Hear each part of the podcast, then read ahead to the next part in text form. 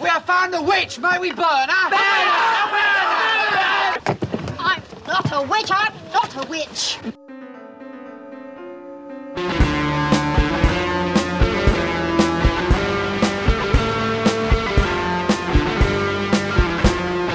Hej och välkomna till Demonpodden! Podden där vi detta år pratar om filmer av kvinnliga filmskapare. Jag heter Kalle Färm och med mig som alltid har jag Aron Eriksson. Hej! Björn Waller. Hej! Och som för ganska ofta har vi med oss även Olof Ekström. Hej! Och vi är här ikväll för att tala om två filmer som vi lite felaktigt utannonserade som filmer om flickor som går i konstiga skolor. Det stämmer ju inte riktigt, men flickor som typ har en konstig uppväxt, en lite annorlunda uppväxt, någonting sånt. Stämmer inte riktigt helt, men det handlar om unga flickor i båda fallen och de går inte igenom ett en Svensson-upplevelse, ska vi säga så? Om nu inte poängen med båda filmerna att det är precis det här, så här det är att växa upp som flicka. Det här är liksom en av de veckor där det känns ännu konstigare att vi är fyra vita killar som sitter och diskuterar de här Skojar du? Ja, tro mig. Om det är något jag... Jag tänkte mer på det här än den här veckan än många andra faktiskt. Att ja, yeah, vi skulle ha hittat någon tjej att hänga med på de här. Men det förekommer skolor i, i eh, båda filmerna? Det förekommer skolor i båda filmerna. Och, och, och, det, och, det, och det är inte ett oviktigt inslag i någon av filmerna skulle jag kanske också lägga till. Nej, nej precis. Filmerna i fråga är Rungan Unionis I am not a witch och Lucille Hadzi Halilovic Innocence. Satt namnet bättre än den förra veckan i alla fall. Och ja, jag tror vi sa att vi börjar med den nyare filmen I am not a witch från 2017, så bara ett par år gammal. Och jag vet inte vart vi ska gå in på den här. Jag har inte hunnit göra någon research på denna Rungano Unioni och vad hon har sysslat med annars. Men det kanske någon annan har hunnit göra Jag har kollat upp lite grann i alla fall. Det här är ju hennes långfilmsdebut så det finns inte enormt mycket men hon är ju född i Zambia, uppvuxen i Wales och eh, pluggade, försökte först bli skådespelerska, insåg att hennes mål var att bli som Isabelle Huppert och när hon insåg att hon var inte, i hennes egen ord, en ganska usel skådis hon hann vara med i Doctor Who tror jag. Det, men vad fan, vilken brittisk skådis har inte varit med i Doctor Who? Så bestämde hon sig för att bli filmmakare istället. Och gjorde ett gäng kortfilmer innan hon då långfilmsdebuterade med I am not a witch. Ja, och då ska man kanske tänka att det, är Zambia som filmen utspelar sig i. Då. Jag kommer inte ihåg om de någonsin säger det i filmen. Men... Nej, hon, hon, hon, sa det i en intervju jag läste här att de har väldigt medvetet valt att inte nämna att det är just Zambia. Ja, okej, okay, intressant. Eh, där, där, därför att de ville att den skulle bli lite mer allmän. Men däremot mm. så är den naturligtvis inspirerad av hennes barndom och sedermera visiter till Zambia inspelade i Zambia alldeles runt huvudstaden och eh, med zambiska skådespelare och amatörskådespelare. Mm. Jag ska säga att det var faktiskt inte ens eh, Dr Who hon var med i utan den mer barnvänliga spin-offen The Sarah Jane Adventures. Ah. Också bra. Ja, jag har inga klagomål på den. Eh, det lilla jag sett ska jag säga. Vågar någon sig på en sammanfattning av den här filmen? Jag känner ändå kanske att man vill hoppa in nu för det är nog ändå den av de två filmerna för kvällen som kanske är lättare att sammanfatta. Vi eh, får följa en, eh, en liten flicka, jag tror hon heter Shula, som eh, är föräldralös förmodligen och eh, hon blir utstött från den byn där hon eh, befinner sig för att folk är misstänksamma mot henne. Det händer konstiga saker runt omkring henne och de bestämmer sig för att hon är antagligen en häxa. Och eh, då eh, finns det ju tydligen då i det här samhället någon slags mekanismer på plats för att ta reda på om någon är en häxa eller inte. Eh, man tillkallar lite sådana personer kommer fram till att hon är förmodligen en häxa, skickar henne till häxstaden där det bor en massa andra kvinnor som har också blivit anklagade för att vara häxor. Och de ska då lära henne, den här flickan Shola, hur det är att leva som häxa i, i den här världen. Men eh, samtidigt så eh, vill också statsapparaten utnyttjar henne för sina egna syften vilket eh, består till hälften av PR till hälften av att hon ska ställa upp som någon slags domare slash, slash åklagare slash jury, jury i diverse rättegångar. Sen får hon gå i skolan lite grann. Ja, resten kan vi komma tillbaka till. Och just det här med de här häxstäderna, det är ju alltså, det här är en riktig företeelse även om ju då eh, hon har överdrivit det ganska rejält för den här filmen. Hon säger det i en intervju här att västerländsk, hon upptäckte att många västerländska publiker hade lite svårt att se hur de skulle tolka det här. Är det okej okay att skratta åt det här? Ja, det är överdrivet, det är satir, ni förväntas skratta. Men får man skratta? Det här är ju liksom afrikansk kultur. Ja, men jag har överdrivit den med flit för att det ska bli roligt. Vi har satir i Afrika också. Ja, det, men det, det, det, ja. Känns ju, det känns ju ändå... Det, det, för det kände jag också att det här känns som att det är tanken att man ska kunna skratta åt. Ja. Jo, Det, det, det, känns väldigt, det känns väldigt absurt de här scenerna och, och där som ju det- Häxdagen fungerar ju och det dubblar ju också som någon slags zoo får man väl nästan säga. Jo, vi kan ju säga att bland hennes favoritregissörer finns både Haneke och Lanfimos liksom. Och det, Ja, det, jo, det, känns sant. igen. Mm. Jag, jag, skulle väl säga, jag skulle väl gissa att hon har sett en del Quentin Dupieux också. Men ja. Nej, så, som sagt sådana här häxstäder existerar faktiskt som ju då är helt kvinnostyrda samhällen men avgränsade från resten av samhället och som då oftast tydligen, nu utgår jag mer eller mindre från vad hon har sagt i intervjuer här, som då tydligen är dominerade av äldre kvinnor när deras familjer eller deras samhällen bestämmer sig för att nu drar hon inte sin vikt längre. Vi anklagar henne för att vara en häxa så får hon flytta härifrån. Ja. Och så, som då är en sån här Faktiskt. konstig grej att det är å ena sidan ett ställe där kvinnor får bestämma över sig själva och å andra sidan ett ställe där de utesluts från samhället. Där de har makt men där de tas ifrån makt. Så det, är- det är lite knepigt. Men eh, hos hon har till och med bott i flera månader i anslutning till sådana här häxläger under tiden hon skrev den här filmen. Just det här ni säger att jag tycker det var ganska roligt just att eh, jag hade nog gått in i det här och väntat med en något liksom mörkare, allvarligare historia. Lite liksom eh, afrikanska Lilja Forever-vibbar när man såg i trailern och affischen och lite sådär. Men som sagt, det är en ganska rolig film till och från. Extremt absurd. Och, som sagt, väldigt tydligt också att den spelar upp den här absurditeten för att vi ska förstå att det, att det är roligt. Det betyder inte att det inte är sant eller att det inte säger någonting om verkligheten. Men så, som Björn säger, det det är fullkomligt tillåtet att se det som en komedi och att ha roligt med den här filmen. Mm. Samtidigt som den porträtterar ganska jävla tragiska företeelser. Det är en film som försöker få in ganska mycket på 87 minuter och det är väl en del i att jag liksom inte fått ge något totalt kvalitetsomdöme här. Men känner att den innehåller väldigt mycket och väldigt mycket minnesvärt men också känns lite spretig här och där. Just om att Mm. försöker trycka in väldigt mycket och väldigt många olika både perspektiv och olika sätt att se på de här sakerna och få in en massa olika satir men också liksom lite känsla och lite sådär eh, väldigt mycket, mycket olika grejer på en ganska kort speltid. Så jag känner nog att den är lite lätt ofokuserad men, men definitivt att det finns grejer här som är, som är guld värda. Lite debutfilmssymptomet allt ska med. Ja, Lite verkligen. fängelse över det hela. Mm. Ja, just det. Men ska vi spola tillbaka lite? Eh, För jag, jag tänker om, om vi ska börja lite från början i filmen så, så märker man väl ganska tidigt lite det här som Björn var inne på. Vilka är det som blir anklagade för häxor i, i den här världen? Då Det är, lite så här, det, är de vi, det är kvinnor som inte riktigt har någon plats, som, som, som vi inte vet vad vi ska göra av med, som, som man behöver placera dem någonstans. Och, så- och så, eh, ofta är det kanske då lite äldre kvinnor men i det här fallet så råkar det vara en liten tjej som väl jag tror kanske är föräldralös då Ja. eh, och har blivit placerad hos några släktingar eller något liknande. Men, men eh, hon, hon är liksom tyst och håller sig för sig själv och är kanske inte någon bra arbetare ute på fälten eller sådär. Så att de har kanske ingen nytta av henne. Behöver, och, och, och påpassligt då så börjar ju diverse bybor på ganska lösa boliner inbilla sig att hon har gjort både det ena och det andra.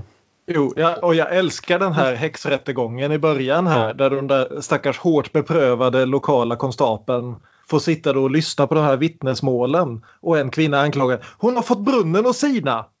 Brunnen som du hämtade det här vattnet ur. Ja, just det.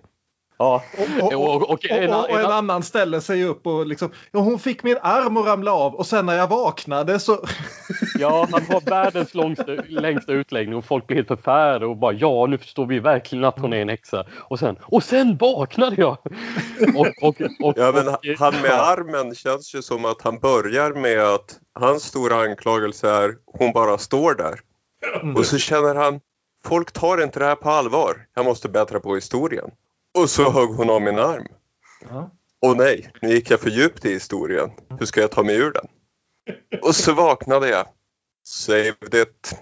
Ja, för, för, så, alltså verkligen the inciting crime som vi ser som ju är det som för henne till den här polisstationen först. Det är ju att en kvinna råkar spilla sin hink med vatten medan flickan står bredvid. Vilket är Mm. något som aldrig skulle kunna hända annars antar jag. Man tänker väldigt mycket på den Monty Python-scenen när man ser den här häxrättegången i början. What makes you think she's a witch? Well, she turned me into a newt. A newt?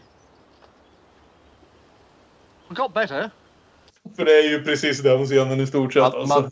Och eh, det andra liksom, vad ska man säga, stora temat som blir väldigt tydligt i den här filmen är ju hur mycket absurd humor de får med att koppla de här, vad ska man säga, det här gamla, ganska gamla trossystemet med på häxor och tron på magi och så här. Med en enorm massa moderna företeelser från mobiltelefoner till modern musik till bara liksom eh, talkshow-tv-scener och sådär. Och, Och inte minst den, moder- den moderna statsapparaten med statstjänstemän och Precis. rättegångar och sådär. Det blir ju helt hysteriskt ibland. Och, och jag älskar också just det här att eh, flera gånger så just apropå modern musik, flera gånger använder hon klassisk musik. Alldeles i början här innan filmen kommer igång på allvar så har vi den här scenen där ett gäng turister då besöker det här häxlägret och fotograferar dem och tittar på dem medan Vivaldi blåser på högsta volym.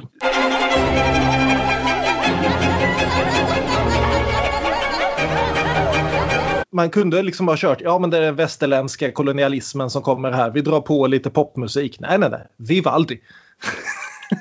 Vivaldi där och sen vid ett annat tillfälle så är det en av, liksom, vad ska man säga, inte turisterna utan en av de afrikanska arbetarna som istället är den som går och lyssnar på Kanye Mm. medan han jobbar på fälten. Så just där, ja, den gamla världen och den nya världen i fullkomlig Ja. krock någonstans. Och eh, Ja, för trots alla idiotiska eh, då, idiotin i alla anklagelser så blir det ju bestämt att hon förmodligen är en häxa. mm. För hon vägrar svara. Mm. Hon vägrar svara. Jag ska säga det att Shula själv är ju liksom centrum för filmen. Men hon är också en väldigt tyst flicka.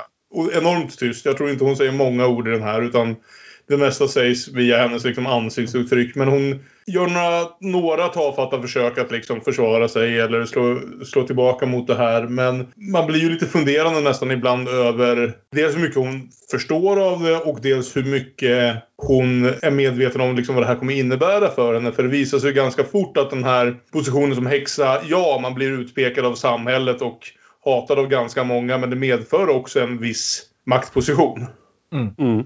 Och, och vi kan ju nämna det bara som hastigast här också innan vi kommer längre in på filmen att eh, Maggie Mulubwa som då spelar Shula. Det här är ju naturligtvis då hennes första filmroll. Överhuvudtaget så görs det nu för tiden så här väldigt mycket film i Zambia så den här filmen har blivit en väldig liksom kickstart. Så det här är inte bara hennes första film utan hon hade heller inte gått i skola eller lärt sig läsa och skriva innan den här filmen. Hon var alltså nio när inspelningarna gjordes. Och eh, tack vare filmen så har hon nu liksom fått skolgången betalad fram till universitetet. Så ja. Och eh, efter vad eh, regissören sa då så var det liksom att i första inspelningsdagen talade hon inte ett ord engelska. Till premiären så var det hon som de inte kunde få tyst på. Härligt. Och en annan bara så här plottgrej som jag känner är viktig för att det används så mycket.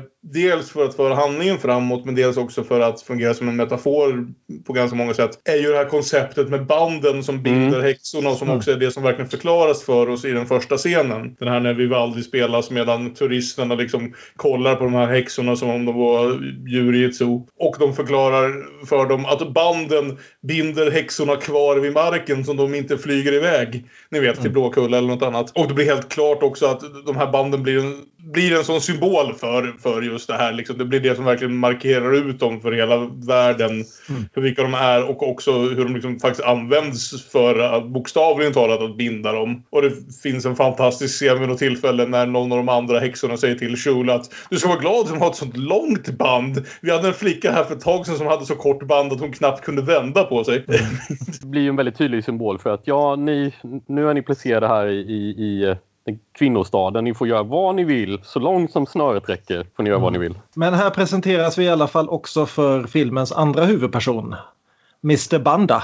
Och han presenteras i badkaret precis som Clifton Webb i Laura. För han är ju då den här eh, statstjänstemannen som får på sitt bord att ta hand om den här unga häxan och se till så att hon används rätt. Körs först till den här häxstaden och han presenterar hela backstoryn här lite grann. Man får väl anta att de som är där redan vet det men vi som tittare ska ju få veta det också. Han har den här fina repliken We are working together, civil servants and you. You are now civil witches. Ja, det var jättebra.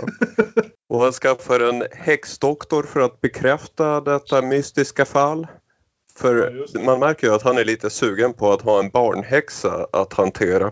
Ja, Så han hyr in en häxdoktor som ska bekräfta. Det- Exakt, det är något väldigt ovanligt. Det är någonting de är lite liksom upptaggade över att de har fått. Så vi får den här scenen där liksom häxdoktorn hugger huvudet av en höna som ska dansa runt i en cirkel och dör den innanför cirkeln så är hon inte en häxa men dör den utanför cirkeln så är hon en häxa. Också här har hon fått lite, kan känna att eh, vad heter det, regissören har fått lite frispel på det här med sin debutfilm för den här scenen var redigerad på ett, ska vi säga, annorlunda vis. Ja, det var berättarglädje i överflöd. Ja. Och eh, häxdoktorn har inte bara en foliehatt, han har en enorm foliekrona. Tjusigt värre. Ja. Men så Shula kommer i alla fall till den här stan. Hon får natten på sig att välja om hon vill bli en häxa eller vara en get. Och hon väljer att förbli en häxa därför att getter kan man ju bara slakta när man känner för det. Vilket ju är, tolka det som den metafor man vill. Men det, det, det finns mycket mörker i den här filmen men det presenteras på ett väldigt lätt sätt. Ja, exakt. Jag, jag gillar det. Det är lite Eh. så här, ju, jag är nästan, man är nästan van vid att se den här tonen typ i politiska satirer och annat. Mm. Där man liksom är skojfrisk kring väldigt mörka saker oavsett om vi pratar om In the Loop eller vad som helst. Va? Mm. Men, men det är intressant att få den tonen just i den här miljön och i, Mm. kring de, de här karaktärerna. Och jag, det tog mig en stund att liksom komma in i det men jag gillar det verkligen. Det var många bitar, kanske framförallt i den första halvan, som jag fann väldigt rolig. Ja. Mm. Och, och sen så har vi ju då när vi först får reda på vad de här häxorna då ska förväntas göra hela dagen. Jo, de är naturligtvis ute och arbetar på fälten. Och det här presenteras då med, det är som sagt det finns en del berättarglädje som går överstyr i den här debuten men det finns också en del som är så jävla snyggt. Till exempel då den här scenen där vi får följa dem där de åker på en lastbil med ett flak och på det här flaket har de då satt upp en massa pinnar med stora vindor på som de ska ha de här banden fastbundna i. Och det är en så jävla snygg scen. Mm. Vivaldi igen vill jag säga. Ja, precis. Ja. Det är helt fascinerande. Det är ju sånt här jag älskar med film och det är sånt här jag älskar med att vi tog oss lite längre ut i världen här i säsong Ja. två. I att man, man får se sådana saker som, som man aldrig riktigt har upplevt förut och som liksom lite avslöja behind the scenes på podden. Vi var lite sena att starta idag därför att jag behövde stresstitta den här filmen sista timmen innan. Så jag önskar kanske jag hade haft några fler minuter att smälta den innan jag behövde sätta mig och prata om den ingående. Men, men eh, det är mycket här som liksom är ganska nya upplevelser även för någon som har sett ganska mycket film. Och, och även det här då att medan hon håller på att jobba där då så när de har paus så är det någon som räcker henne en plasttratt och sä- säger lyssna mot vinden så hör du något. Och det hon hör det är ju då barn som leker på en skola och en lärare som lär dem läsa och skriva. Och det är så jävla snyggt gjort liksom bara den här väldigt stilla scenen med den här lilla nioåringen som sitter och lyssnar på barn som får lära sig saker. Medan hon är ute och arbetar på fälten. Precis, man jämför med Suburbia som vi såg förra avsnittet som gjorde väldigt övertydliga poänger på ett väldigt klumpigt sätt. Och sen ser man här, gör poänger på ett snyggt sätt. Och det, och det är det jag älskar med den här filmen, att den kommenterar nästan aldrig. Det, den bara visar upp saker och ting. Det finns nästan ingen kommentar runt det och finns det kommentar så är den i regel satirisk. Och, och just hela kameraarbetet, att de jobbar med väldigt mycket statiska tagningar. Vi, vi har i början här när hon ska presenteras för det här häxlägret och försöker fly sin väg. Så liksom släpar de iväg henne off camera och så håller kameran bara på fullständigt tom fält med lite trän i nästan en minut tills då hon kommer springande tillbaka nu med det här bandet fastknutet i sig. Och det är liksom... De här långa statiska tagningarna, det är ett väldigt självförtroende berättarmässigt i en debutfilm. Kul! Ja. Men nu kommer vi i alla fall till Olofs favoritscen i filmen här. När då Shula får reda på att hon ska börja jobba som eh, rättshäxa, eller vad ska man kalla det? Domstolshäxa. Vad, vad är den formella termen inom svenskt Rättsväsen är det rättsväsende? väl då ja. Ja, det, det, det, det känns ju inte som ett väldigt, sådär, väldigt rättssäkert system. Kanske inte så mycket mindre rättssäkert än Time to Kill eller någon annan Grisham. Eh, Jag satt ju och tänkte att Giuliani kommer dyka upp med en häxa framför liksom domstolarna i Wisconsin i nästa vecka. Ja, det är- det är mycket möjligt. Ja, det är ju helt i linje med de här typen av, eh, ska man säga, legala processer vi redan har sett lite exempel på hur, hur man ska bedöma vem som är häxa eller inte. Det här kanske är snäppet mer eh, modernt för att vi har liksom vittnesmål och någon som, någon som kanske agerar åklagare lite sådär. Men, men sen så ska ju häxan komma in och, och, med sina magiska förmågor och avgöra vem som ljuger och vem som inte gör det. Och hon förstår ju först ingenting av vad det är hon har kastats in i. Eh, liksom, hur fan ska jag veta vem det är som... Det är bara en massa vuxna människor här som står och snackar massa skit. Jag vet inte vad de håller på med. Så, så, så Mr Banda ringer upp eh, häxlägret på sin mobiltelefon och låter henne fråga hur ska jag göra? Och de säger, ja men ta den mörkaste, hon tittar, ja, där står 11 stycken zambier. Mm. Det är tre ja, det, är, mörka. det är tre något mörkare Ja, de precis. Ja, ja, men, ja, men ta, ta han i rött då. Ja, Okej, vi tar han i rött. Ta, ta den som ser oroligast ut tror jag det är de säger också. Verkligen Ja. så här. Ja, de var alla hade väldigt bra råd. Ja. Mm. Och det här är också en fantastisk scen som sagt just med det här med krocken mellan det nya och det gamla. När eh, offret då, för det är ju en rånarrättegång, någon har snott en gammal mans pengar. Och Mm. när han ska liksom berätta vad det är som har hänt så fortsätter hans mobiltelefon att ringa och ringa. Eh,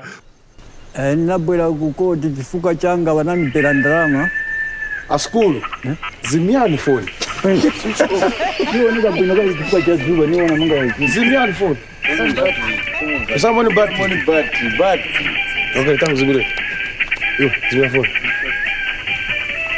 zimya foni zimya foni tisako bat Och eftersom det här blir Ja, gammal gubbehumor. Ja, Men det är ju det. Jag gillar det också att den här Ja. filmen markerar ju hela tiden att det här utspelar sig nu och det här är precis samma värld som ni västerländska tittare lever i.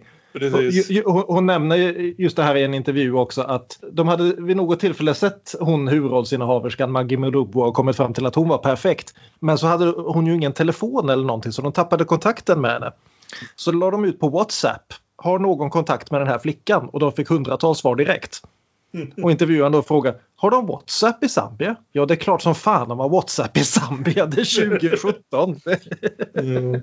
Men, men, det, men det, det är kul att konstatera att det, det är universell humor att gamla Ja. gubbar inte kan stänga av sin Ja. mobiltelefon. Ja, för det där har man varit med på bio typ 20 gånger. Att en tants mobiltelefon ringer och bara “Jag har stängt av den nu” och så tar det 30 sekunder och så ringer samma telefon Ja. med samma signal igen. Så det visar sig i alla fall att den här hon valde var rätt person.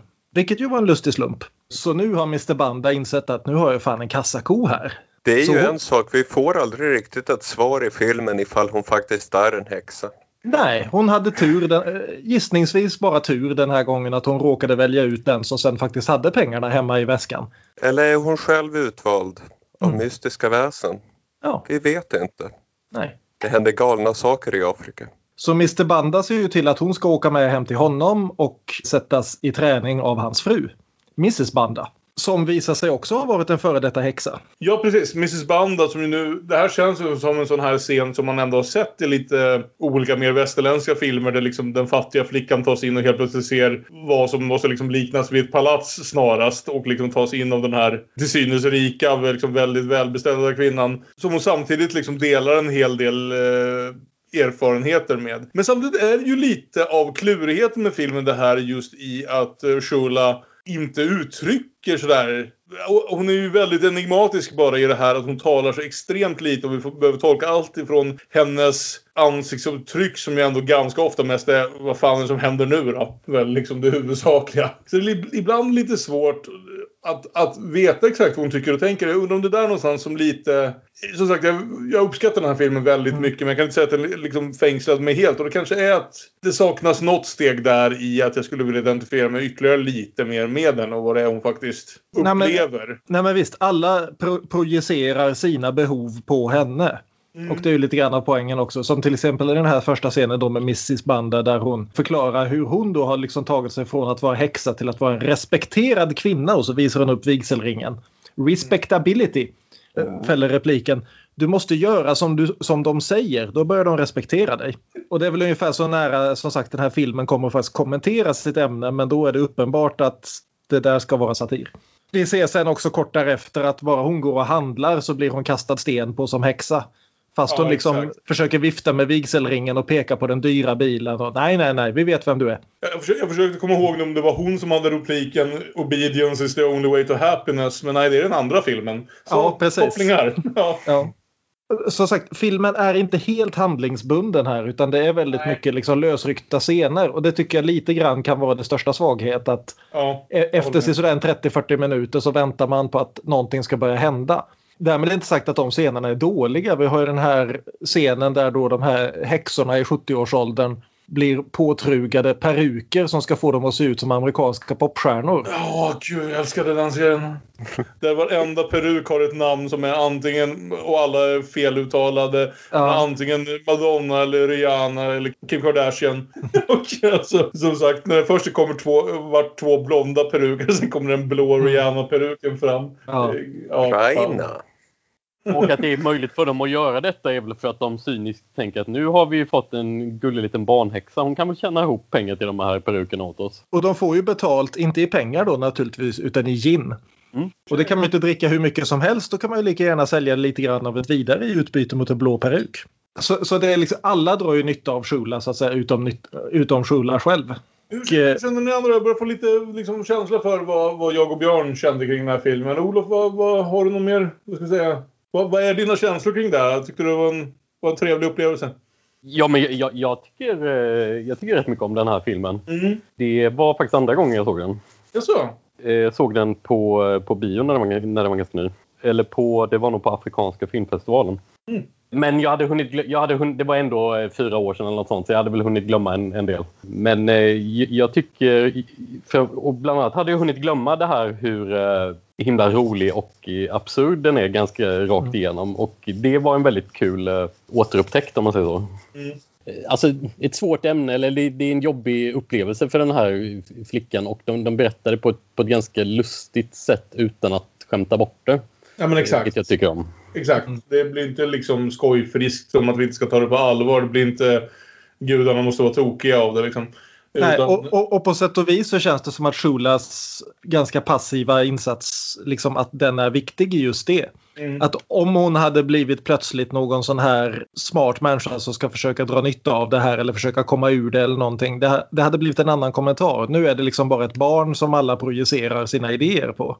Ja, men exakt. Och, och, och vars främsta insatser är att vara passiv. Det blir lite Mr. Chance över henne. Ja, exakt. Kan man säga.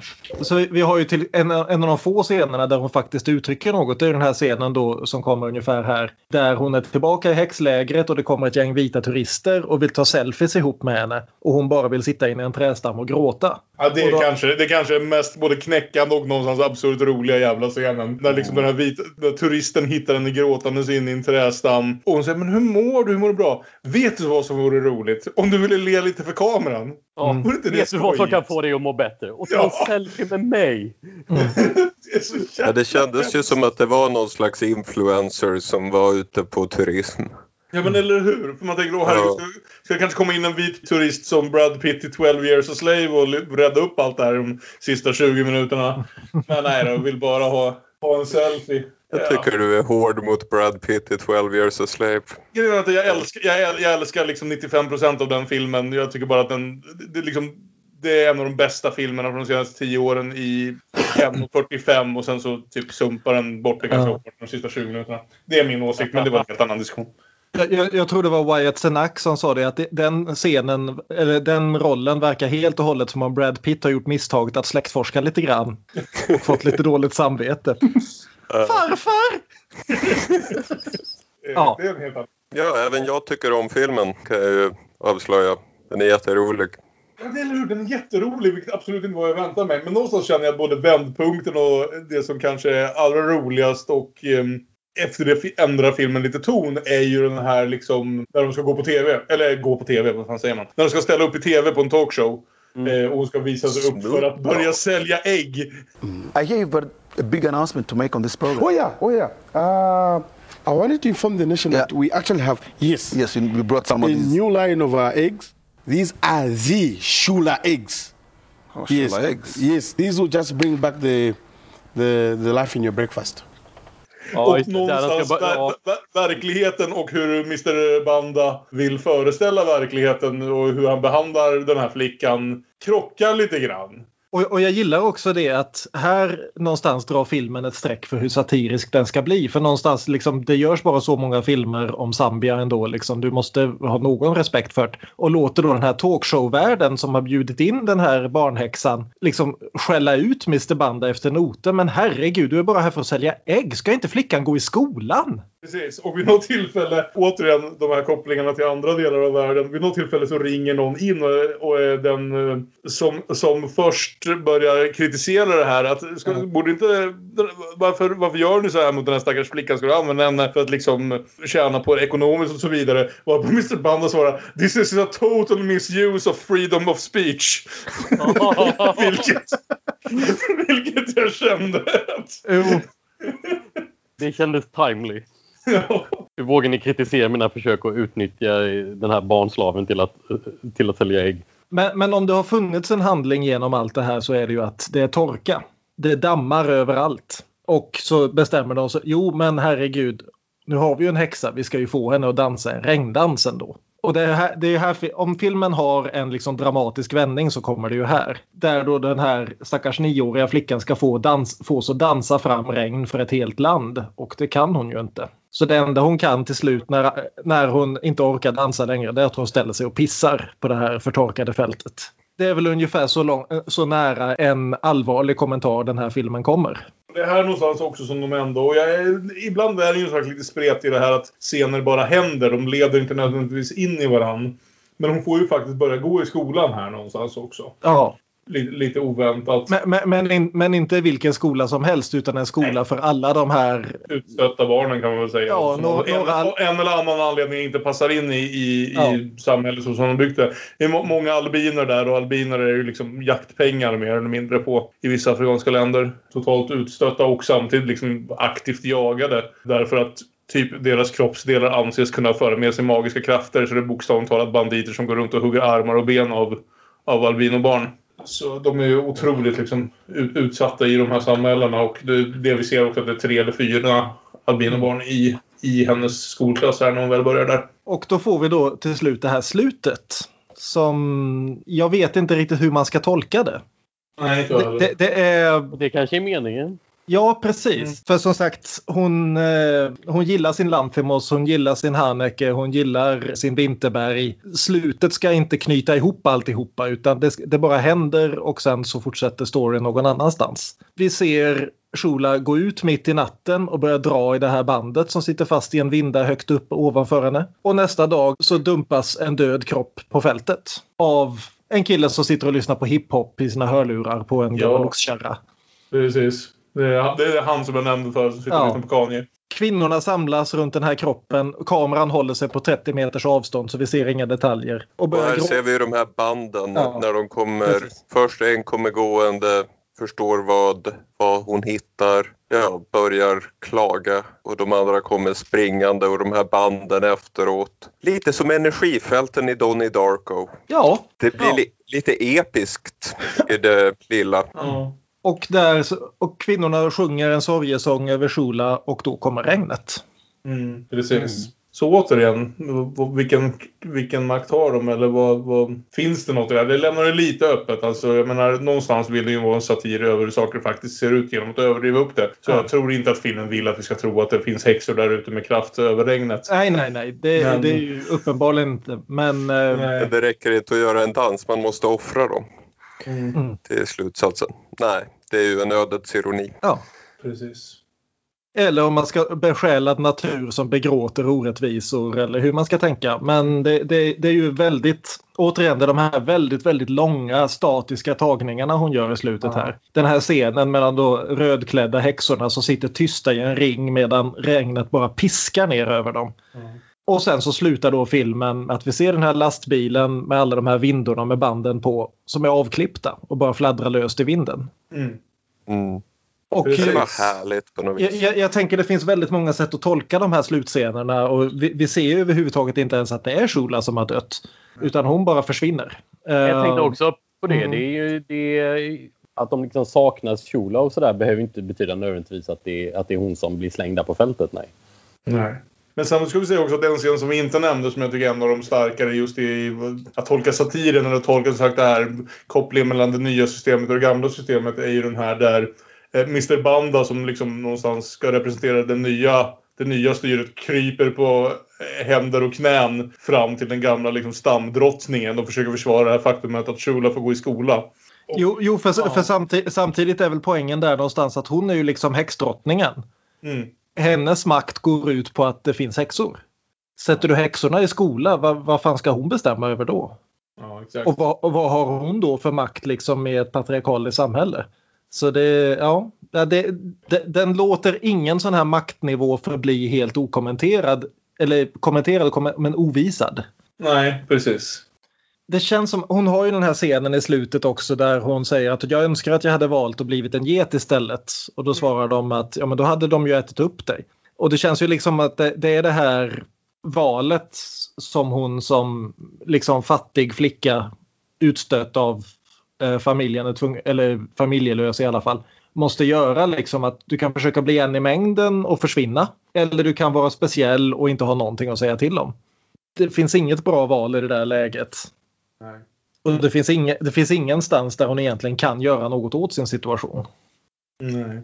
Nej, exakt. Ser Om, aldrig- om hon då ser- nu ser inte aldrig- gör det i slutet där, vad, vad som nu händer. Ja, exakt. Vi får vi se aldrig riktigt möjligheten för något ljusnande. Det mest ljusnande, den enda gången hon ler ska vi säga i filmen är ju när hon får se skolklassen. Och får inse Ja. att hon får den här möjligheten. Och det, Mm. det knäckte mig lite grann. Det var det mest... De sista scenerna också ganska tuffa men just det där leendet när hon får se att hon äntligen ska få gå i skola var... Ja. Det, det, det skärde lite i hjärtat. Ja, och trots att då, som, som vi nämnde att det är en ganska speciell skola med the outcasts of society så, så, är, så är det ju det som får en att känna sig mest normal. Ja. Och att det är det som är, är, är väldigt fint. Att åh, jag är normal, jag får gå i skolan. Nej, men jätte, väldigt intressant film måste jag säga. Det är väldigt spännande och väldigt mycket att ta in känner jag. Som sagt, om man är någon som liksom, ja. Som sagt, som vi brukar påpeka, nu sitter vi här och är liksom fyra vita heteromän igen. Som mer än någonsin hade behövt eh, en, en kvinnlig gäst den här veckan. Att det är mycket att ta in. Det är mycket att försöka suga åt sig. Det är mycket att försöka tolka och eh, borde kanske ha gett mig själv åtminstone en halvtimme att reflektera över den här filmen innan jag började prata med, eh, om den. Men så kan det gå ibland. Men det är ju samtidigt inte den typ av film som, eh, som sätter upp sig oh, jag är smart, tolka mig. Nej, nej. Vilket gör den ännu mer eh, intressant att tolka antar jag. Mm. För den, den är inte så jävla needy. På, på tal om filmer skri som skriker jag är så smart, tolka mig. Ska vi byta film jag på säga. Vi kan spara det. Ja, ja, det, är, ju- det är en bra eh, övergång faktiskt. Ja, då förflyttar vi oss väl från Zambia till Frankrike kanske? Lucille Halilovics Innocence från 2004. Som jag ju har rätt i att det handlade om en film, det är en film om unga flickor som går i skolan. Men sen så trodde jag nog mer, jag hade nog väntat mig någonstans att det här filmen mer eller mindre skulle vara liksom den kvinnliga motsvarigheten till Ondskan eller något annat. Den är ju lite mer, vad ska man säga, esoterisk, surrealistisk än den beskrivningen. Det är ju ingen if direkt alltså. Ä- Även om jag hade förstått några av dem och de hade hållit fram automatvapen mot slutet så ja. Och den Svårt att hålla sig vaken under. Alltså, det tyckte du? Riktigt mysig, man somnade väldigt gott. Jag kan tala om för dig hur filmen slutar, eh, Aron, om du vill. Filmen slutar med att en tonårsflicka omfamnar en ejakulation. Ah. Så vi får använda en viss jingel. Olofs snoppstund, Olofs snoppstund. Bra! Äntligen! Den eh, Lucille Hadji Halilovic, det här är väl inte hennes debutfilm om jag förstått det rätt. För hon verkar ha gjort någonting som heter någonting med Jean-Pierre på 90-talet. Så jag har inte en aning om vad det är för något. Men däremot så la jag märke till hennes Evolution som kom för några år sedan även om jag faktiskt aldrig såg den. Eh, jag den... jag, jag såg den. Tror kanske Olof såg den också. Jag, jag vet i alla fall, jag gick och såg den när den gick på Stockholms filmfestival då 2015. Och det tyckte väl ungefär om den som jag tycker om den här. Nämligen att det fascinerande filmbygge som jag någonstans tycker borde ha en, liksom någonstans bara behöver styras upp lite, lite mera. Mm. Det är väldigt mycket drömlogik, eh, inte drömlogik, men väldigt mycket, väldigt mycket metafor och väldigt mycket drömkänsla och väldigt mycket lynch. Mm. Men saknar den där lilla, lilla grejen som fattas för att knyta ihop det till en historia också. Ja, men sådana här filmer, antingen händer det eller så händer det inte. Jag Mm. tyckte inte det hände här. För mig, för mig funkar den här bra måste jag säga. Ni låter väldigt negativa i Ja, jag, jag, jag, ty, jag, tycker, jag tycker inte illa om den på något vis. Jag tycker Mm. bara att den hade kunnat få, bara, om den bara hade haft lite mera skelett under, all, eh, under alla, vad ska man säga, bildmusklerna. Ska se, ser här också att hon eh, tillsammans med Gaspar Noé sk- skrev Enter the Void och det, det hjälper ju inte hennes ställning i mina ögon. Det är fan bland det mest självupptagna Nej, precis. Hon, hon har ju jobbat en, en del ihop med Gaspar Noé. Framförallt Ja. innan hon började regissera filmer själv. Och den här filmen är också tillägnad Gaspar Noé. Det är sånt man ser om man håller sig vaken till slutet. Jag Men, såg eh, slutet sen. men, men då tycker jag ändå att jag tycker mycket bättre om den här filmen än de flesta, flesta Gaspar Noé-filmer jag har sett. Herregud, det var ju en upplevelse. Men den kan vi berätta om någon annan gång. Hon, Eh. hon, hon, man, man- ser släktskapet mellan dem men eh, man ser också väldigt stora skillnader mellan dem. Och en av dem är att om Gaspar Noé är för glad i att överdriva så är kanske eh, Lucilla Hadzilevic lite för glad i att underdriva. Men Mm. eh, ja, vi, vi får se, vi kommer fram till det. Vem vågar försöka sig på någon slags sammanfattning av vad som händer i Innocence? En liten flicka, Iris, kommer i en kista till en internatbalettskola där flickor har flätor med olika färger med band i håren som en avancerad hierarki om vem som dansar ballett med vem. Eventuellt är de döda. Eventuellt är detta limbo. Eventuellt kommer de till himlen om de dansar ballett och till helvetet om de rymmer. Vad tror ni om det? Ja, Det händer ju som ingenting i filmen. Som hans försök till tolkning likväl som att beskriva ungefär vad som händer i filmen. Varför inte? För jo, just det här att de anländer till den här skolan i kistor var ju dels min första hint om att det här förmodligen inte bara var typ ondskan fast för tjejer. Min, min, min första hint är just hela den här öppningssekvensen som jag tycker är väldigt snygg. Alltså ingen ska säga att hon inte gör snygga filmer. För både jag, den här... jag, jag tycker den här filmen är helt jävla... Alltså jag tycker den ser hur bra ut som helst. Jag älskade fot, liksom, det rent fotomässiga och sådär. Den här. Jag var Ja, ganska då- fängslad av det. Då tror jag du kommer att gilla evol evolution också. Ja. Eller ev evolution eller vad man nu ska kalla den. Båda hennes filmer har ju fördelen att de har väldigt internationellt gångbara titlar. Det funkar lika bra på franska som på alla andra språk. Men just det här att det går liksom... Vi har under hela förtexterna som börjar så har vi någon sån här lynchsk drone-ljud liksom i bakgrunden. Precis. Och, Och nätterna går- framförallt. Så, ja, ja, under början. Men, ja. men, men just i början här och det går då gradvis över i det här bubblande vattnet som liksom är, hon återkommer ju hela tiden till evolutionsteorin här och om liksom utveckling från en lägre till en högre livsform och så vidare och att alltihopa börjar i vattnet sägs till och med i filmen så filmen själv börjar också i vattnet. Och Precis. blir då liksom tills vi plötsligt befinner oss mitt i en lummig skog och därifrån går vi på något vis ner i en kulvert och därifrån går vi in i en källare och därifrån upp i den här skolan och där öppnar vi kistan och där börjar filmen. Och det, det är enormt snyggt gjort. Och det är liksom Den hela... prologen är det bästa i filmen.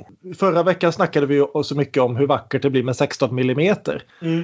Att Hadzihailovic har ju verkligen förstått hur snyggt man kan göra saker och ting med digital film. Om man vet vad man håller på med. För just det här hon gör hela tiden att hon går igenom graderingen på filmen och hela tiden ser till att puncha in färger i bilden. Det är så jävla snyggt gjort. Det finns hela tiden ett sånt djup, ett sånt lyster i den här filmen. Oavsett om det är mitt under sommaren eller mitt under vintern eller inomhus eller utomhus. Allting ser jättesnyggt ut.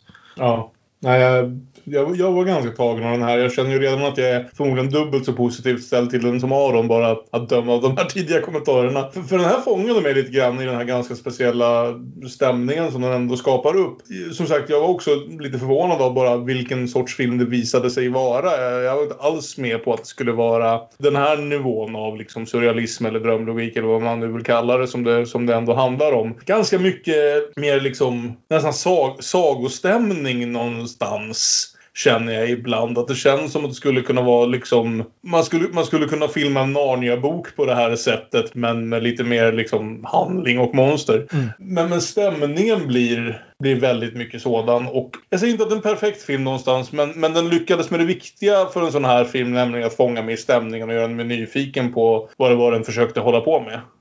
Fast den saknar ju monster. Det är ju ganska uppenbart. Ja, Eller? Ja, den är ju... Ja. Men, men vad det, det- ja, Jag kan, jag, kan ju säga, Ja. jag kan ju säga att eh, eftersom vi redan kommit in lite på det här med, Mm. med tolkningar och vem är död och vem lever och sådär.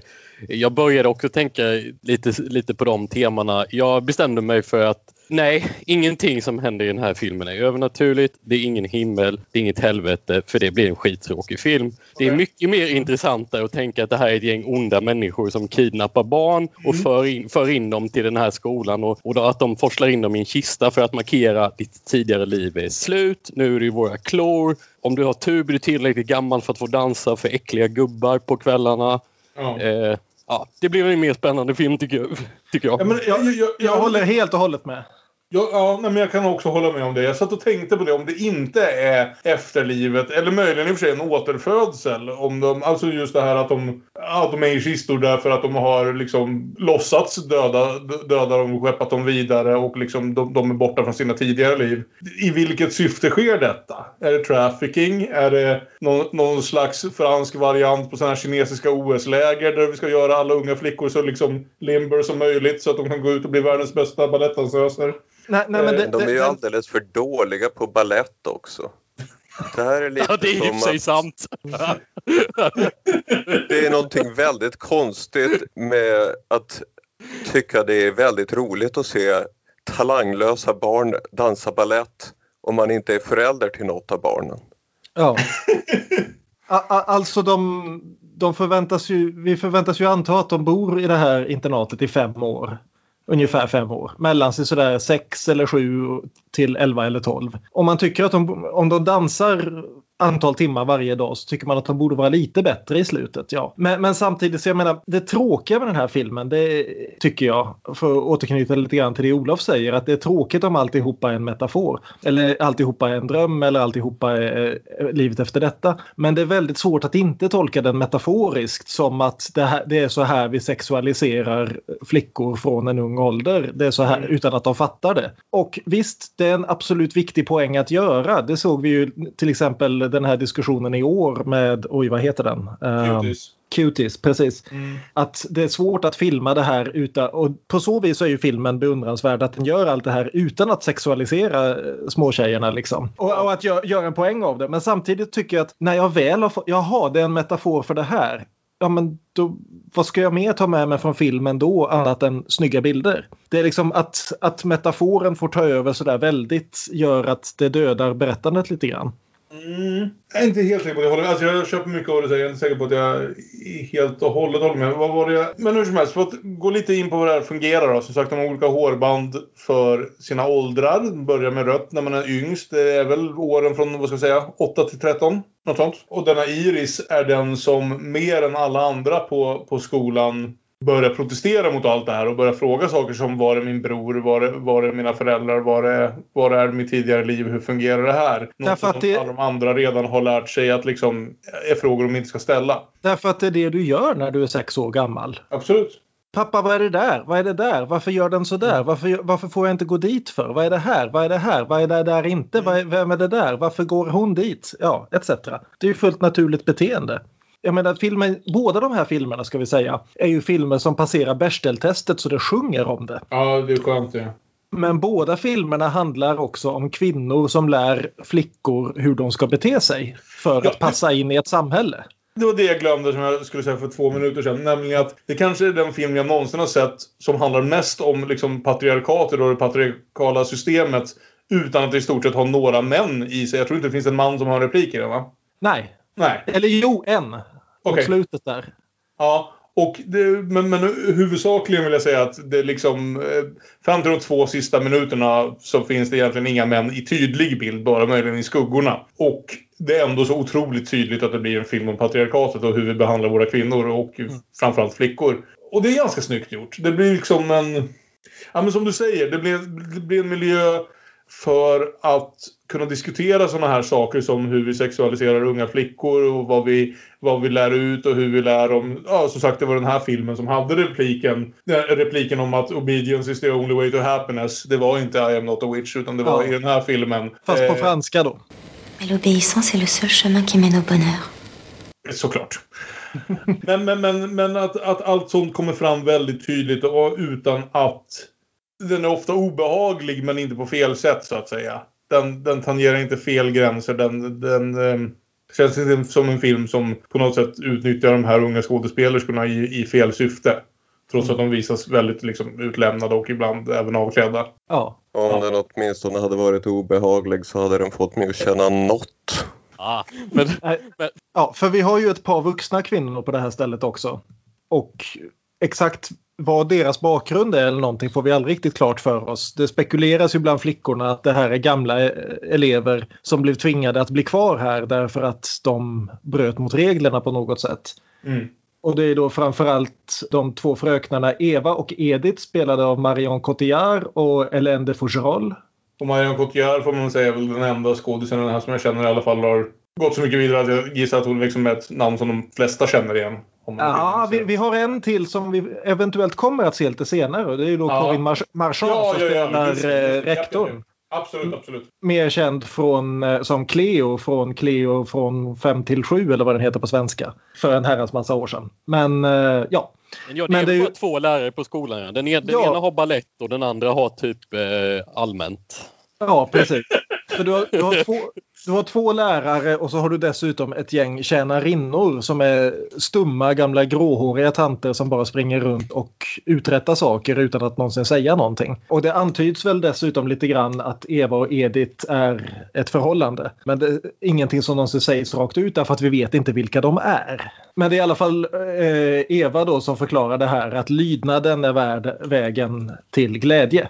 Precis. Och att det då sägs i samband med en dansklass dessutom. Det är väl, ja, dansklass. Danslektion heter det på svenska för fan. Men någonstans, Iris knyter sig väldigt mycket till Bianca som är en av de äldsta flickorna. Alltså som um, den gruppen längst upp med lila hårband som är förmodligen förväntas vara på väg härifrån förr eller senare. Och som dessutom tar sig iväg på kvällarna för någon slags hemliga extra lektioner. Eh, vilket eh, Iris tycker är lite misstänkt. Men det finns också en ung tjej och det här förklaras väl alltid, aldrig riktigt. Det är väl mest någon en ung tjej med orange hårband som jag gissar är ett år äldre än Iris då. Som får alla de här Omen-bilderna i början om att det här är en jävla unge som kommer, kommer ställa till trubbel. Och som vid något tillfälle slutligen knuffar ner Iris och piskar henne med, med lite björk. Laura aldrig riktigt varför. Är det, är det Nej, La Laura är ju det andra röda hårbandet. Det finns ju fem stycken, eh, fem stycken elevhem och i varje elevhem finns det fem flickor i olika hårband. Så det, det röda hårbandet är yngst i varje elevhem. Så Laura är Iris motsvarighet i ett av de andra elevhemmen. Precis. Och, och jag, jag, vill passa på att säga att jag, jag gillade det med hårbanden som en liksom berättarteknisk Snygg visuell, mm. berättarteknisk sådär. Att, att, ja, de här är på samma nivå, de, de här flickorna. Vi, vi, sa det en gång i början, nu behöver vi inte snacka om det mer. Och, och återigen, ytterligare en grej som bara går att göra med riktigt bra digitalfotografi. Därför att skulle du försöka göra det här på vanlig film så skulle det bli ett härke att få det mm. att synas vem som har vilken färg på hårbandet i alla skuggor och alltihopa. Här funkar det. Ja. Ja, de gjorde det bra. Men vid något tillfälle i alla fall så den här Laura då, den yngsta från ett av de andra elevhemmen, eh, försöker fly i en roddbåt. Hon har också, precis som Iris, tänker att det här känns inte riktigt rätt. Det måste finnas en värld utanför, på andra sidan murarna. Och kan vi nu inte klättra över murarna för att murarna har inte dörrar, så får jag väl ro härifrån. Och det tyckte jag var en väldigt effektiv, återigen så här, liksom nästan Bröderna Grimm-saga-scen. När hon ror ja. ut i den här båten och den börjar fyllas av vatten. Och jag lite halvt om halvt väntade mig att Jason Voorhees skulle hoppa upp från vattnet precis som sista scenen i första fredagen den 13. Och, och, och, just det sättet som hon berättade här på då att mm. vi följer Laura när hon ror ut på, på sjön blir trött, upptäcker att vattnet läcker in och orkar inte ro längre och kameran dyker ner i vattnet och vi får återigen det här med bubblor och vatten som brusar och alltihopa. Så när vi kommer upp så är det några timmar senare och det ösregnar och båten är full med vatten och tom. Ja, och det är här också när det blir, görs klart, även om vi kanske aldrig tror jag ser någon kropp, men när de begraver eller har en begravningsritual för Laura efter att hon påstås drunknat som ju alla de här liksom tolkningarna som ett efterliv krånglar till sig lite grann. Om det inte liksom är en Bröderna Lejonhjärta situation där om du dör i Nangijala kommer du till Nangilima. Nangilima. Eller något sånt. Men... Eh... Men, men det är väl här någonstans också som jag, kring när de hade den här liksom begravningsritualen för Laura så slutade jag hänga fast vid teorin om att det här bara var någon slags konstig efterlivsskildring och försökte hitta andra sätt att tolka Mm. alla skeenden. Och det är ungefär här också som vi byter huvudperson en stund. Precis! Vilket jag inte vet riktigt vad jag tycker om. För första timmen av den här filmen fokuserar väldigt tätt på Iris. Och kopplingarna mellan Iris och Shula i den andra filmen är ju liksom ganska lätta att dra. De är ganska liknande huvudroller någonstans. Att de verkar ganska missnöjda med den här nya konstiga situationen de slängs in i och så. Och, och inte riktigt vet hur de ska hantera det. Iris är betydligt mer liksom att de faktiskt talar upp emot och ställer frågor och allt sånt där. Men så det blir lite förvirrande nästan och lite förvånande i alla fall när vi faktiskt byter huvudroll ungefär en timme in. Och det är ju då Alice som har varit där i så många år så att hon har ett blått band och är, får då veta att varje år så kommer rektorn som de bara ser en gång om året och ser en dansföreställning av de blå banden och tar med sig en av flickorna. Oklart vart, oklart varför, oklart hur länge. Bara ta med sig dem härifrån. Och Alice blir helt besatt av att hon måste ut härifrån. Hon måste vinna den här dansföreställningen. Och det här, det här är stället där filmen faktiskt väljer att bli riktigt obehaglig i just den här kroppsfixeringen. Mm, Inte på ett sexuellt sätt utan mer på ett... Det, det, nästa, det ser ut som en slavauktion det här liksom. Ja men exakt, det är ju som precis att räkna tänder på hästen eller fan det man gör. Ja. Alltså, det, vi kom in på 12 years a slave förut och det finns ju en liknande scen i den. Om man fortfarande är investerad i filmen kan man tycka att det är en obehaglig scen. Alltså, en annan tyckte så kommer den här skiten också. Bytet av huvudperson sker lite för konstigt. Jag har lite svårt att finna mig där, måste jag nog ändå säga. Men, men ja, däremot dras jag nog ändå med i att det blir obehagligt. Det har varit obehagligt hela tiden kan jag känna men det blir ytterligare lite obehagligare. Jo, fast här kanske det ändå blir obehagligt mer så att det känns lite mer. Sen är de ju de är ju om möjligt en, ännu sämre dansare. Eh, Det är ju ingen bra dansföreställning, det måste man ju ändå säga. Så varför rektorn ens väljer någon av dem, det kan man ju, kan, kan man ju fundera över. Men Alice vinner i alla fall inte det här och får ett fullständigt sammanbrott i några veckor. Mm. Varefter hon smyger sig ut, klättrar över muren och ser att på andra sidan muren finns det mera skog men där hör man i alla fall ljudet av jakt. Det är gevärsknallar och det är hundar som skäller och hon springer åt det hållet och sen ser vi aldrig till henne igen. Nej, och då är Det är frågan... snö på marken och hon har knappt några kläder på sig, lilljäntan. Och de, kläder, Kallt ut. och de kläderna hon har är dessutom helt vita så hon syns ju inte mot snön.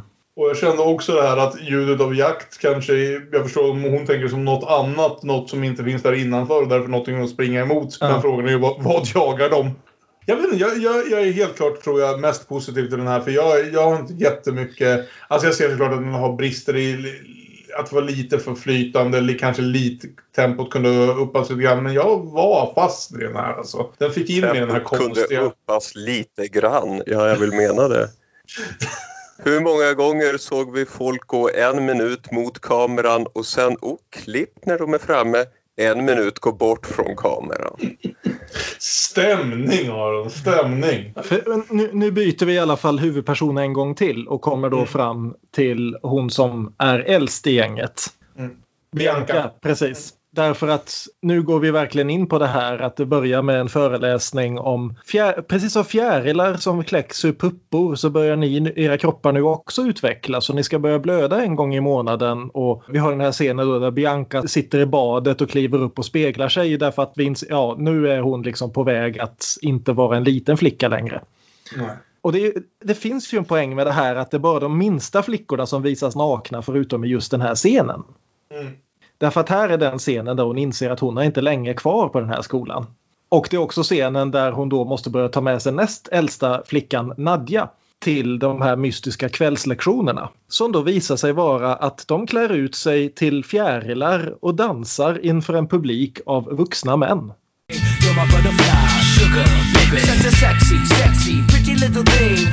Och att det är det som betalar för hela skolan. Och detta är liksom... What? Vi ska också säga så här, för det har vi inte riktigt kommit in på, att än så länge, än så länge, så känns det här som en film som i allt vi ser av detaljer, av teknologi, av liksom miljöer, som kanske en film som utspelar sig under mellankrigstiden, 30-tal någon gång. Mm. Skulle jag ha gissat. Och det gör ju att man väldigt mycket liksom föreställer sig allt utifrån de förutsättningarna helt enkelt. Och, eh, och det här någonstans tror jag, precis som vad heter det, I am not a witch gjorde en poäng av den här liksom skillnaden mellan det gamla och det nya. Även om den gjorde mycket mer allt eftersom. Jag vet inte, jag, jag började få känsla här någonstans av att det här var, jag ska inte säga en twist, men att det skulle öppna upp sig en, en dimension till av det här. Att det kanske inte riktigt var vad vi trodde vi hade fått. Och slutet visade ju någonstans att jag fick lite rätt på det. Antar jag, beroende på hur vi tolkar slutet. Jag gillar det här och jag gillar det någonstans som att det kändes som att jag fick en annan, annat perspektiv. Jag pratar mycket om just det här att stämningen kändes lite sagoaktig sådär. Men sagoaktig ur ett annat perspektiv. Det är liksom som om man, som sagt det hotfulla finns i stämningen mer än att det fanns faktiska monster eller du vet liksom skräckscener så. Men någonstans tänkte jag vad, vad skulle hända om vi filmade Hans och Greta som Blair Witch Project? Alltså när man får ett extremt fokus på vad är det personerna inne i den här underliga jävla magiska världen faktiskt upplever utan att vi får den större historien någonstans. Man får se allting så väldigt nära inpå att vi inte ser helheten. Då skulle vi få Gretel and Hansel av Osgood Perkins som eh, kom i år och som har exakt samma problem som den här filmen. Okej.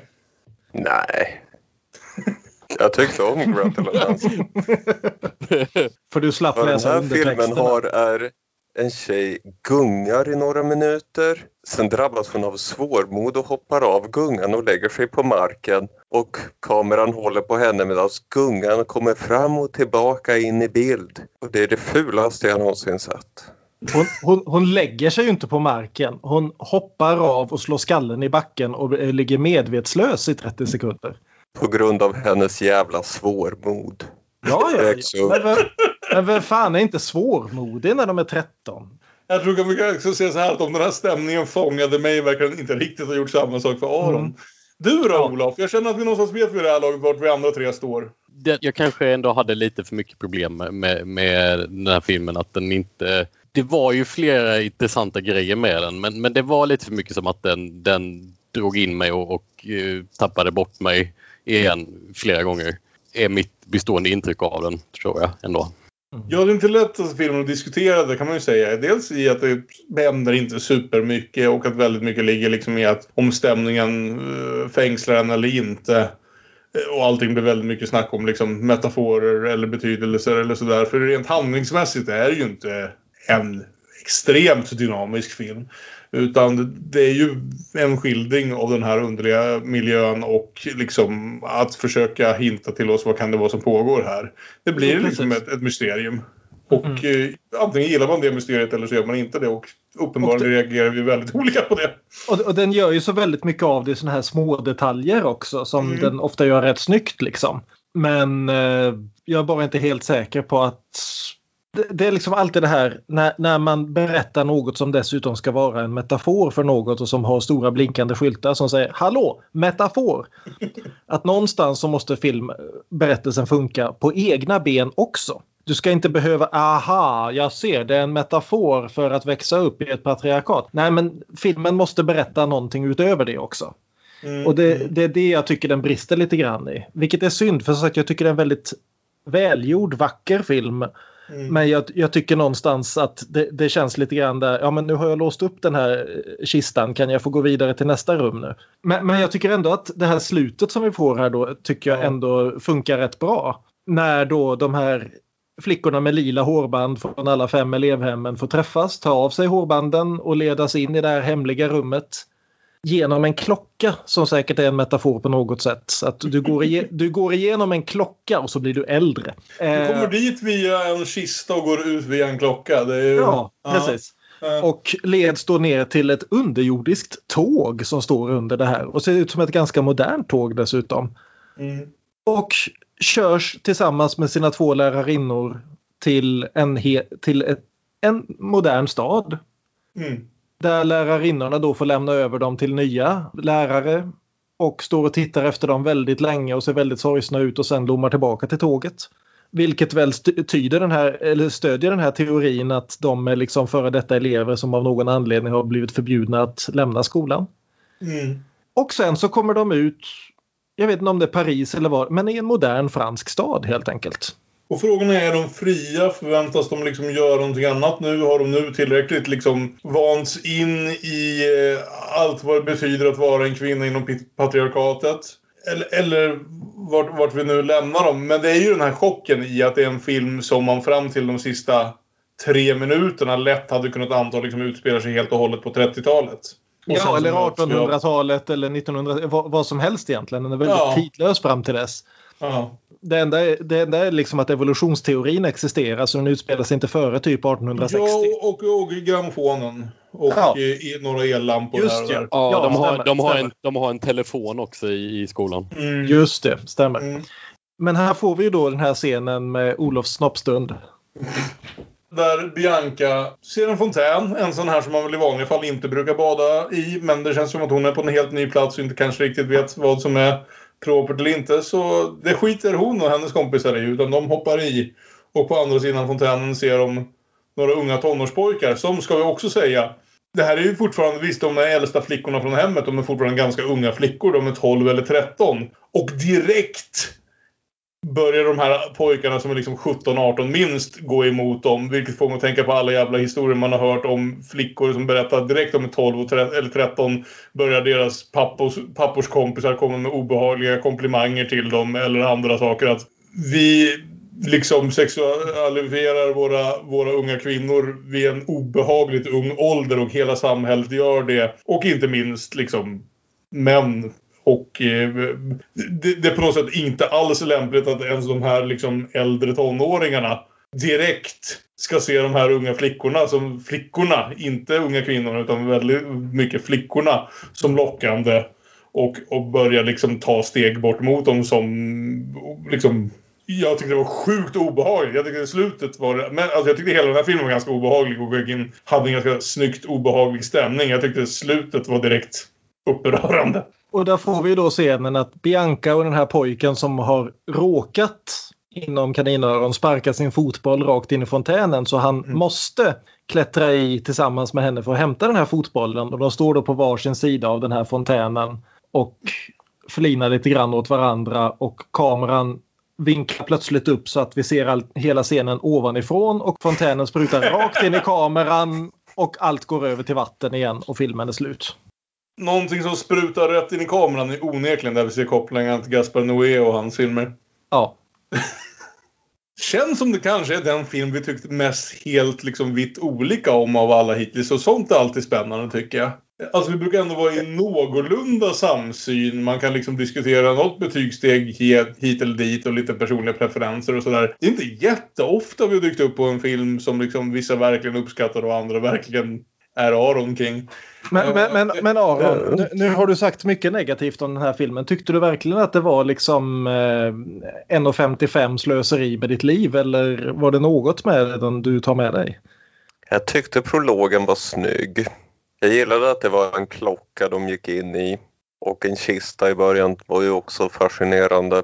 Och tåget. Fina miljöer, säger jag. Mm. Fina miljöer.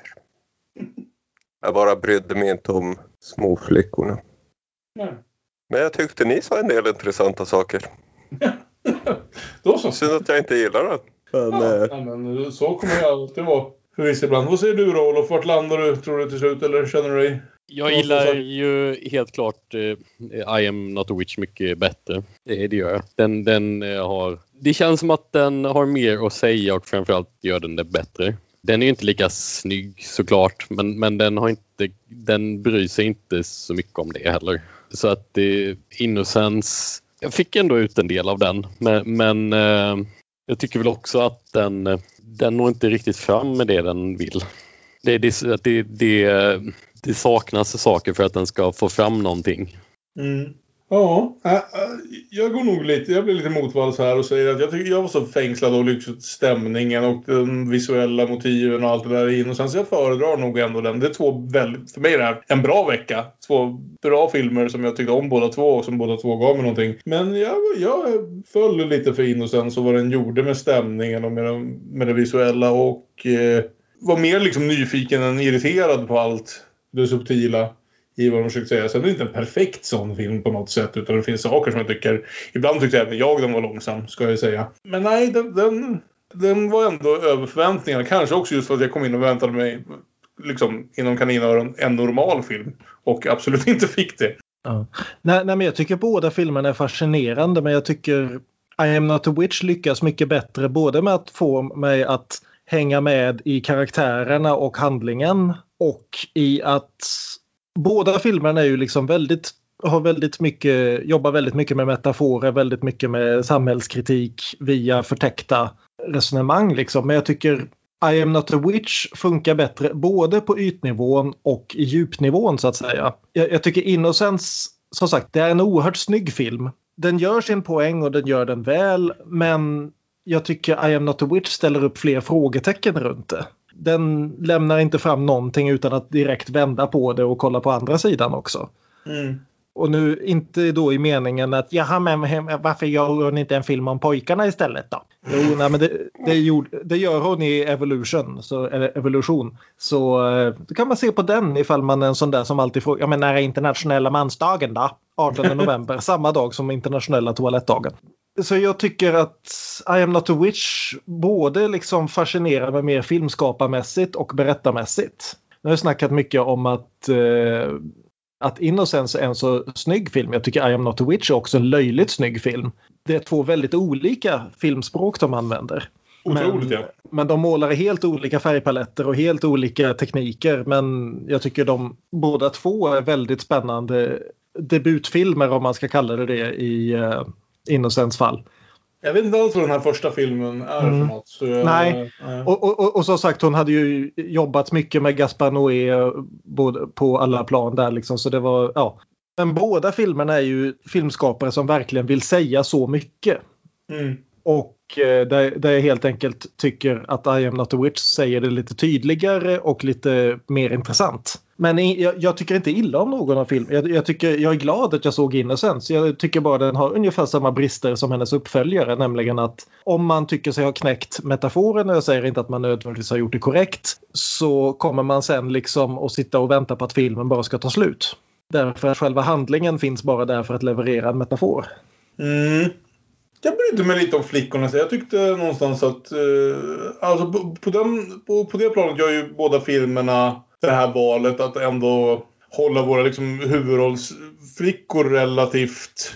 Vi lär inte riktigt känna dem utöver... Eh, som sagt, Shula är väldigt tystlåten. Även stora delar av Innocence är flickorna väldigt tystlåtna. Det är Iris som sticker ut genom att ställa de här frågorna som ingen vill svara på. Så finns det ju ingen film där man liksom lär känna huvudrollspersonerna på det sättet som, som människor. För det är inte riktigt det de är ute efter, någon av de här filmerna. Och jag vet inte riktigt om det är en, någon form av misstag. Att det är någonting där det hade kunnat förbättras och göra, göra båda de här lite starkare. Men Ja, men, men det vet jag inte om jag skulle säga för jag tror att båda de här filmerna är precis vad de vill vara ja, det tror jag med. Jag får, jag får inte känslan av att någon av filmerna liksom siktar på någonting de inte lyckas med. På så vis är det liksom Nej. väldigt självsäkra eh, debuter. Ibland ser man ju liksom debutfilmer där man måste tänka sig liksom att ja men där måste ju filmregissören i efterhand ha sett att ah fan det där kunde jag ha gjort bättre. Jag tycker båda de här känns väldigt självsäkra och väldigt lyckade utifrån den visionen de hade. Jag tycker bara mer om den ena än den andra. Ja. Ja, men det, det, det stämmer nog även för mig. Jag tycker också lite mer om den ena än den andra. Bara den andra den ena. Ja, men med det sagt om Innocence och I am not a witch ska vi gå vidare och leka den där lilla leken vi leker. Gissa den tredje. Vem känner för att börja med att rekommendera en tredje film som man gärna kan se i sällskap med I am not a witch och Innocence? Jag tog fasta på vattentemat i båda filmerna. Oh. Det var vatten och eh, band. Mm. Sådana där tygband som var de två visuella temana som man hade att välja på. Jag tog vatten. Tog min favoritvattenfilm. The Abyss, Avgrunden. Ja! James Cameron. Satt och tänkte på den hela tiden när jag såg båda de här filmerna. Nästan två remakes.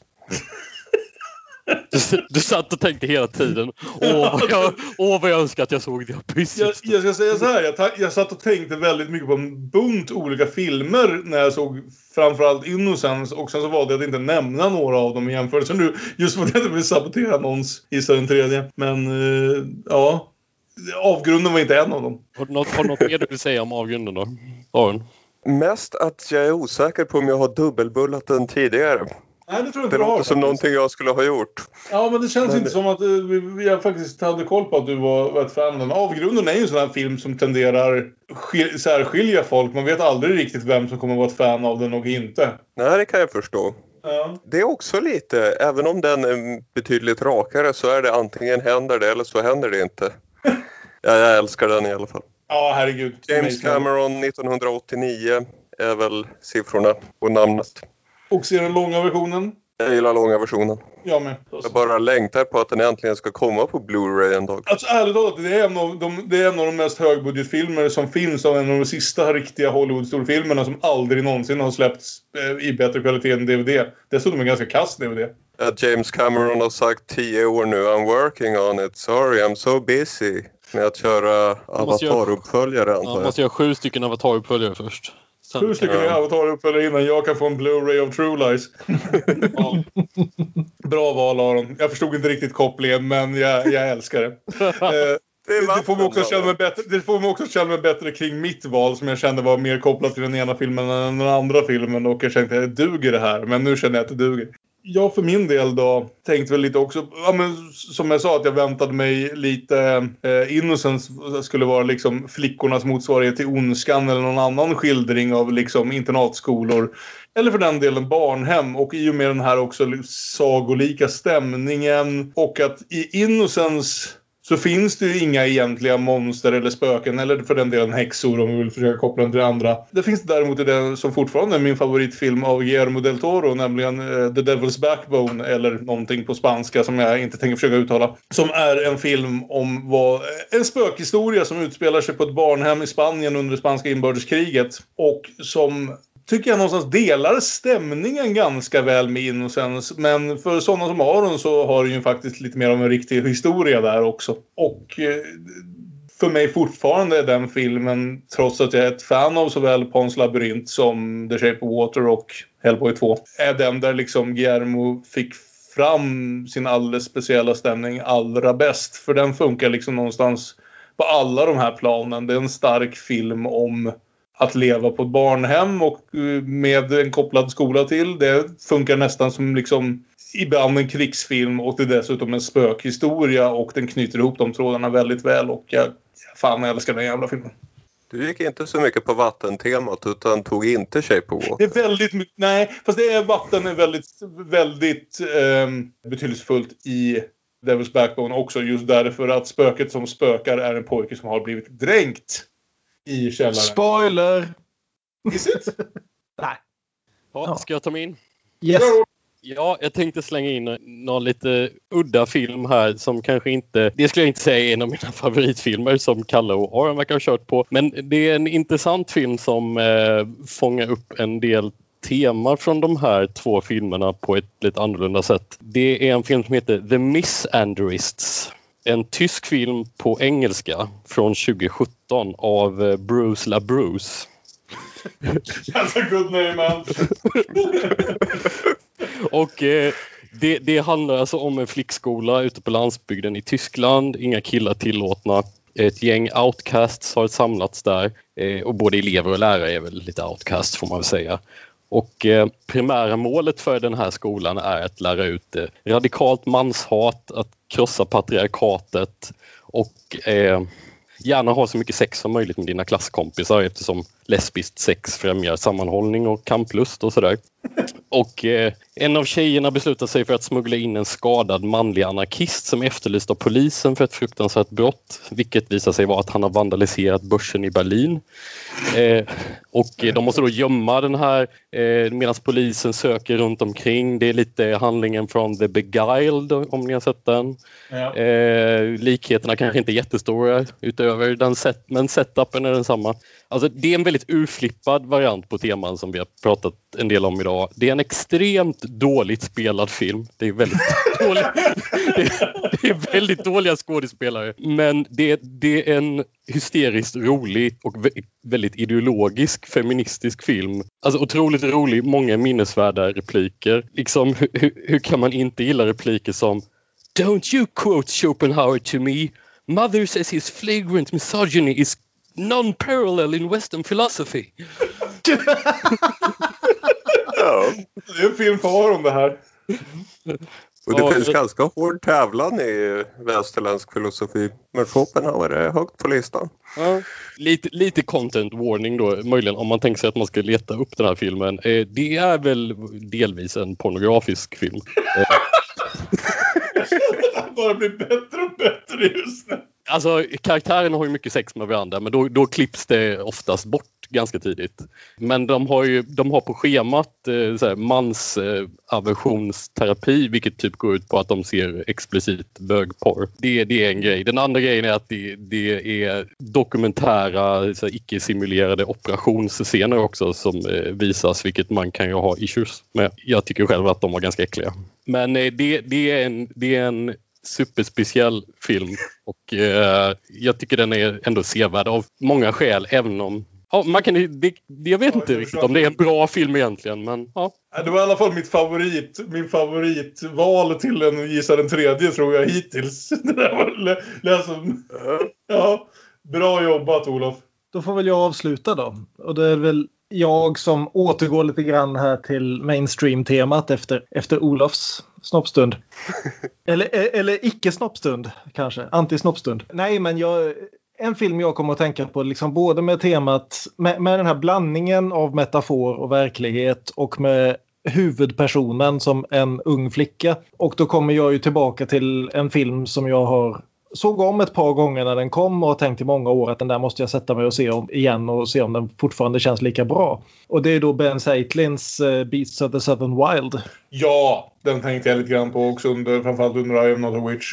Ja, speciellt som han lyckades ju äntligen få ut en ny film i år som sjönk fullständigt osedd för nästan alla och fick väldigt dålig kritik också. Så det är ju frågan lite grann om, ja återigen apropå eh, Donnie Darko, om han hade en film i sig och sen inte mer. Det vet jag inte för jag har inte sett hans nya film. Men Beats of the Southern Wild med eh, Coen Wallis i huvudrollen är fortfarande ett sånt där fantastiskt biominne. Just om, om en liten flicka som på något vis måste försöka rädda sitt samhälle undan en översvämning och gör detta på det sätt som barn gör saker. Att hon har lite svårt att skilja vad som är saga och vad som är verklighet. Och det är en så vacker film och en film som lyckas säga så pass mycket saker som inte alla säger samma sak utan går, går lite grann på tvärs emot sig. Ja, absolut. Så det är min rekommendation. Men det var ju också men- helt rätt film att säga på vattentemat. Jag känner bravo. Jag ska också säga att den filmen som jag vad heter det, hindrade mig själv från att nämna som jämförelse i båda de här diskussionerna bara för att tänkte att någon, någon kommer ta upp den på Gissa den tredje är Peter, Peter Weirs eh, Picnic at Hanging Rock. Absolut. Som kändes som en naturlig koppling till de båda två. Det hade de faktiskt gjort. Men, men, men, men ska man sammanfatta tävlingen här nu så kanske, kanske på sätt och vis Björn gjorde det mest rätta valet då. Av, av Björn, kanske vann, Björn kanske vann. På det, på Jag det. gissar att det var Björn som faktiskt hittade den tredje. Ja. Björn hittade den tredje men Olof hittade något helt annat och jag, jag är väldigt glad för det också. Med det sagt med det så rör vi oss mot avsnittets slut och nästa vecka det har blivit lite känslan som jag får ibland att vi kanske, ibland är de svårare filmerna varannan vecka, de lite lättsammare varannan vecka. Så då tar vi och slappnar av lite nästa gång. Och ja, som ni som har lyssnat på podden länge vet så kan vi knappt ibland gå ett avsnitt utan att nämna Buffy the Vampire Slayer. Då talar ju vi mest om tv-serien. Men det började ju som en film. en film regisserad av en kvinna. Så nästa vecka ska vi helt enkelt titta på kvinnliga hjältar. Och lite grann också med tanken att nästa avsnitt kommer att släppas någon gång runt nyårsdagen. Mm. Och det här är våra favorit bakfyllefilmer genom alla tider. Ungefär så ja. Skit i Ivanhoe, det här är de rätta valen. Precis. Så vi ska prata om Fran Kosuis Buffy the Vampire Slayer och Rachel Talalays Tank Girl. Båda två från det glada 90-talet. Och vi kommer få med två av våra favorit-Buffy-fans att prata om det hela. Elinor Svensson och Rickard Söderlund som ni kanske kommer ihåg från Bergman-avsnitten Persona och Fängelse. Det ska bli superkul. Och ja, vad blir det för musik den här veckan Aron? En av filmerna var alltså I am not a witch. Och som en fyndig passning till det ska vi göra Yoko Onos Yes, I'm a witch. Kul! Det ska bli spännande att höra.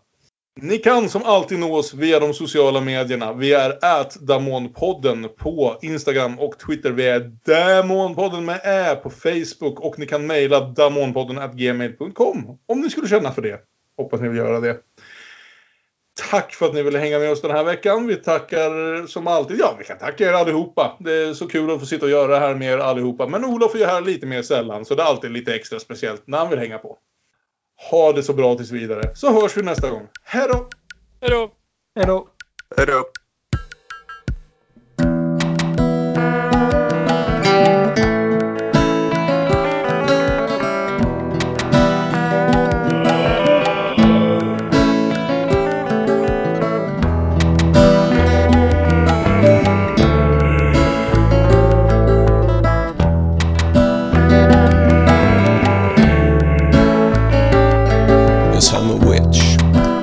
Bitch.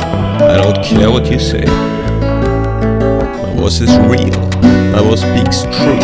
I don't fit in your ways. I'm not gonna die for you. You might as well face the truth.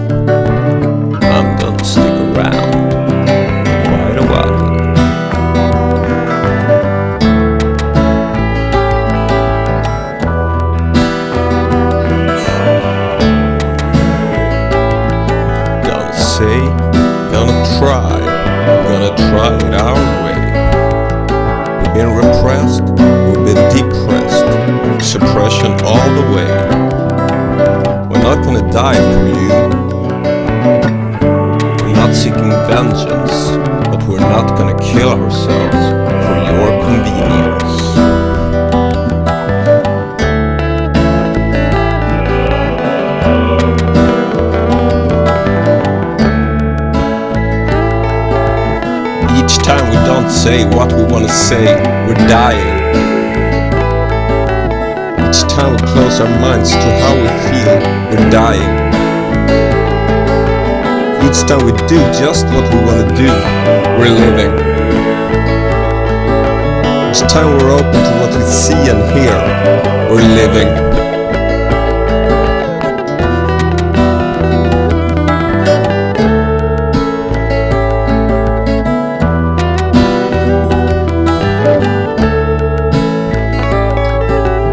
Free you from the ghettos of your mind. We free you from your fears and binds. We know you want things to stay as it is. It's gonna change, baby. It's gonna change, baby doll. It's gonna change, honey ball. It's gonna change, sugar cane. It's gonna change, sweetie legs. So don't try to make cockpit people out of us. Don't try to make cockpit people out of us. Don't try to make cockpit people out of us. Don't try to make cockpit people out of us. Free from the getters of your mind. Cause I'm a witch.